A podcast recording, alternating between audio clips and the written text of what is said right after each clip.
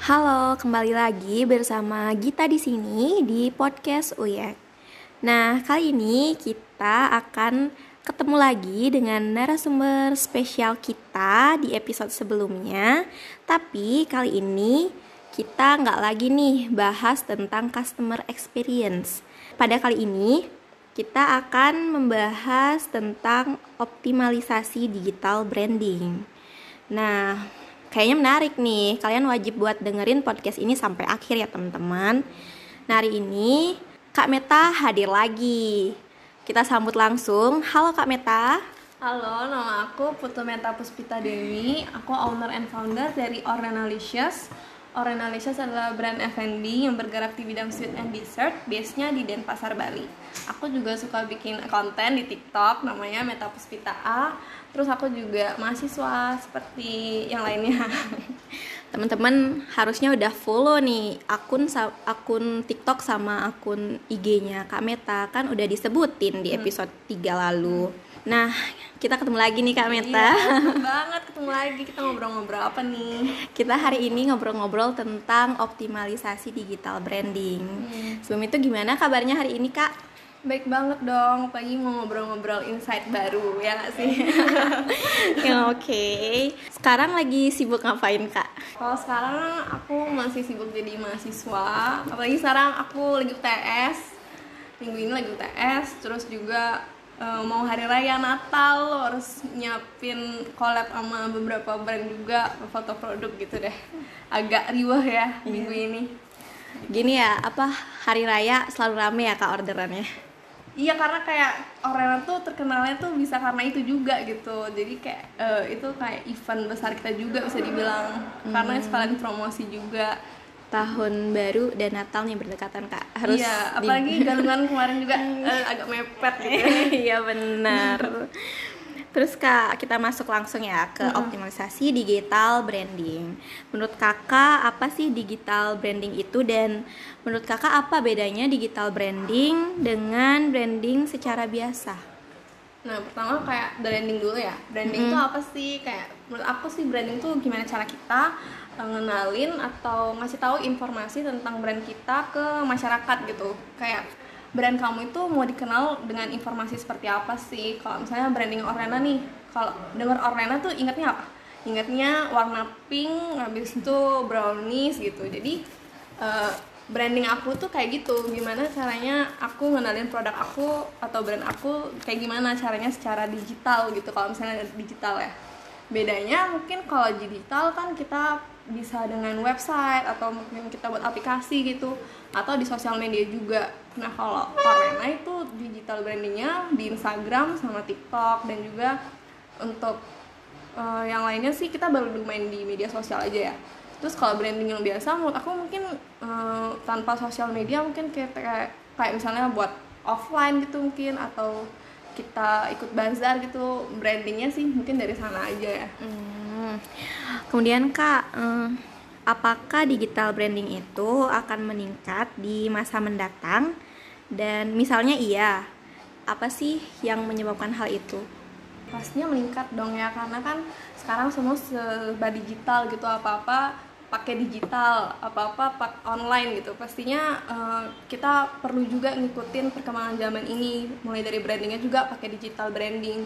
Nah digital branding itu kan pakai sosial media pakai website pokoknya pakai hal-hal online yang buat customer kita itu gampang dapetin dapetin informasi tentang kita yaitu dengan cara digital gitu.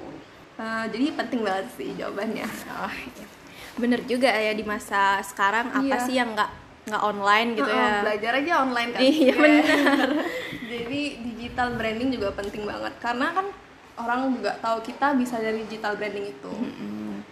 Kemudian kak uh, sewaktu awal-awal dulu kakak memulai bisnis itu brandingnya bagaimana? Kakak melakukan branding dengan cara gimana kalau boleh tahu?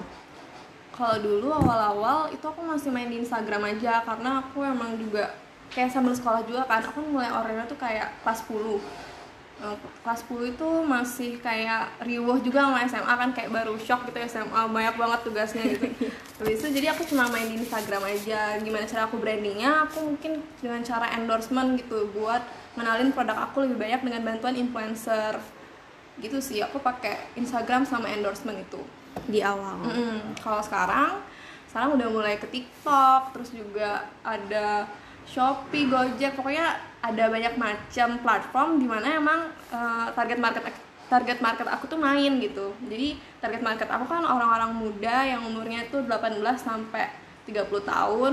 Nah, itu mereka nongkrongnya tuh di Instagram sama TikTok. Jadi aku adanya di sana gitu. Jadi aku muncul di platform yang emang ada target market aku biar target market aku tuh gampang nge-reach orlenan gitu. Eh, lanjut nih kak dalam digital branding itu apakah konten sangat berpengaruh di dalamnya dan bagaimana cara membuat konten yang bagus untuk branding kita menurut pengalaman kakak aja Kalau konten aku juga masih belajar belajar. Nah kalau konten itu biasanya aku buat di TikTok ya. TikTok tuh biasanya aku eh, ngeliat juga sih kayak dari kompetitor, eh kompetitor sih kayak ha- pengusaha yang serupa gitu. Kontennya mereka tuh kayak gimana sih? Eh, biasanya konten mereka tuh storytelling gitu. Jadi kayak ada experience dari customer mereka atau kayak experience dari si owner itu kayak mereka storytelling gitu sambil kayak bungkus-bungkusin produk jadi kontennya itu konten yang emang lagi hit saat itu itu jadi mulai dari storytelling abis itu kayak spill packaging gitu misalnya atau SMR package atau lagi nge-packaging gitu gitu sih kayak ngikutin Um. eh, tren di TikTok mungkin gitu ya Hmm. sama kalau konten di Instagram itu biasanya aku nggak melulu kontennya itu ngomongin produk gitu misalnya ngomongin produk hari ini kita promo ini ini ini gitu aja tapi aku juga kayak selingin kayak konten misalnya aku sekarang lagi nanyain eh, film apa sih yang baru-baru ini kalian tonton terus aku kayak ulas gitu. Jadi konten itu juga yang interaktif gitu. Dan juga kan sekarang ada reels Instagram ya?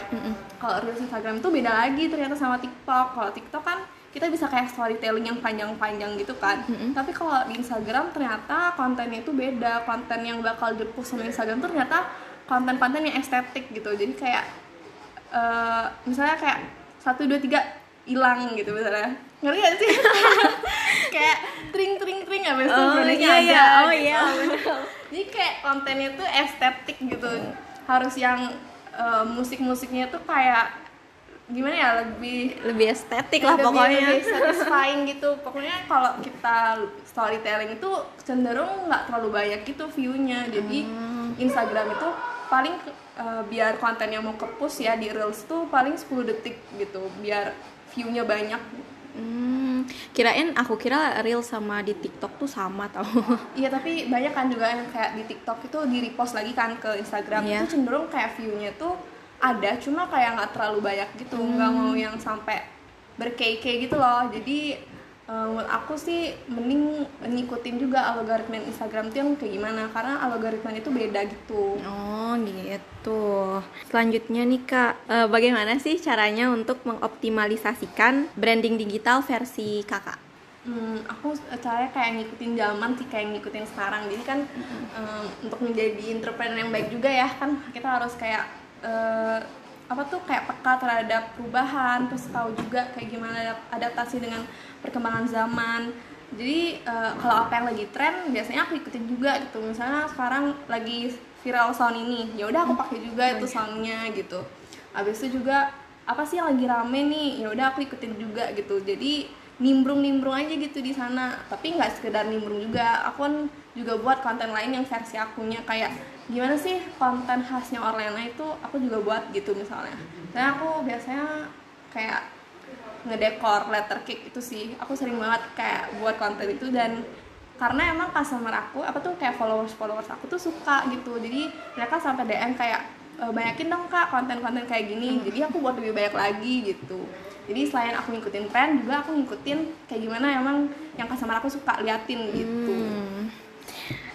Eh, untuk pertanyaan terakhir nih kak, manfaat dari digital branding ke produk kakak atau bisnis kakak itu besar atau gimana? Uh, digital branding kalau di Orlena itu kayak masih belum terpengaruh banget tapi kayak kita udah sempet nih pernah kan VT TikTok aku sampai uh, 1,5 m gitu kan nah itu tuh terpengaruh banget langsung kayak uh, followers Instagram aku nambah 50 gitu. Lumayan banget juga kan. Sampai kayak di TikTok aku juga jadi berke gitu. Uh, apa tuh namanya followersnya awalnya kayak cuma 9000 terus jadinya 14k gitu gara-gara konten video TikTok itu.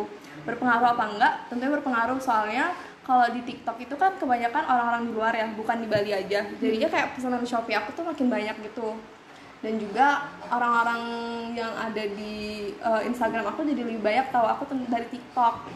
Soalnya aku pernah kayak buat question and answer box gitu terus dibilang kalian tahu Anda Orlena dari mana sih? Ternyata yang dari TikTok tuh juga banyak gitu loh. Jadi aku ngerasa sih kayak digital branding yang aku lakuin di TikTok tuh ternyata berhasil.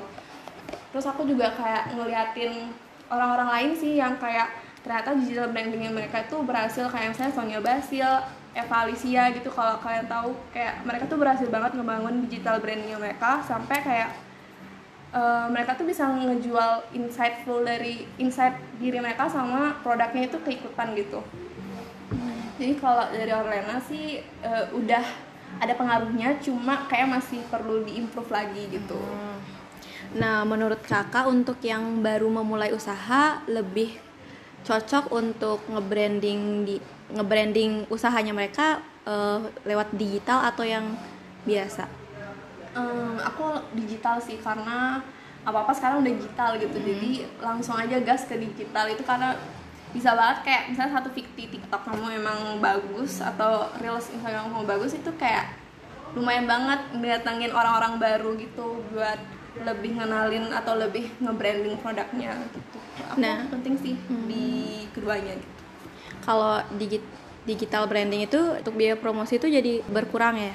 uh, ya digital branding ya secara organik lah ya dibilang kalau uh -huh. digital brandingnya itu uh, lumayan berkurang sih cuma kayak perlu waktu aja jadinya uh. kayak waktu kita buat kontennya itu yang perlu agak uh, gini lah apa tuh kayak perlu kita sisihin waktu untuk konsisten buatin konten itu terus tapi kadang-kadang juga ada sih kayak konten yang harus kita bayar gitu misalnya kayak kita mau buat foto apa tuh kayak video produk gitu mm -hmm yang kayak satisfying gitu biasanya kalau misalnya aku kan kurang bisa ya kayak buat kayak gitu biar proper tapi aku kayak bayar fotografer gitu juga hmm. ada uangnya juga sih gitu. oh, iya. tergantung masing-masing aja sih sebenarnya iya. tapi dengan digital branding pastinya kayak berkurang karena uh, juga ngelakuin marketing secara organik lah dibilang nah jadi gitu teman-teman lebih ke digital branding karena apa-apa sekarang itu uh, online semua jadi juga bisa buat menekan harga. Jadi buat teman-teman yang baru membuka usaha